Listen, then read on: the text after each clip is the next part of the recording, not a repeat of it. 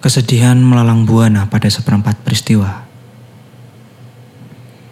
Sedang usiamu baru menginjak kepala dua. Kau belum cukup tahu bagaimana cara membunuh pikiran gila yang datang tiba-tiba saat malam dingin penuh luka.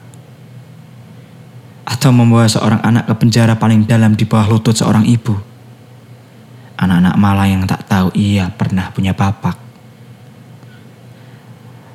Hanya penasaran apa yang sedang terjadi pada diri seorang kakek yang menyeberang jalan di keramaian orang-orang berangkat kerja.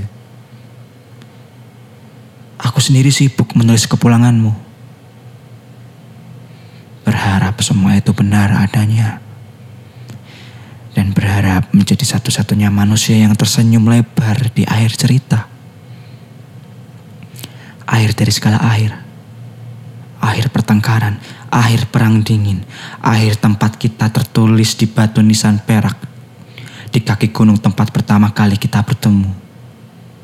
Tak ada lagi kita, tak ada lagi kamu, tak ada lagi aku.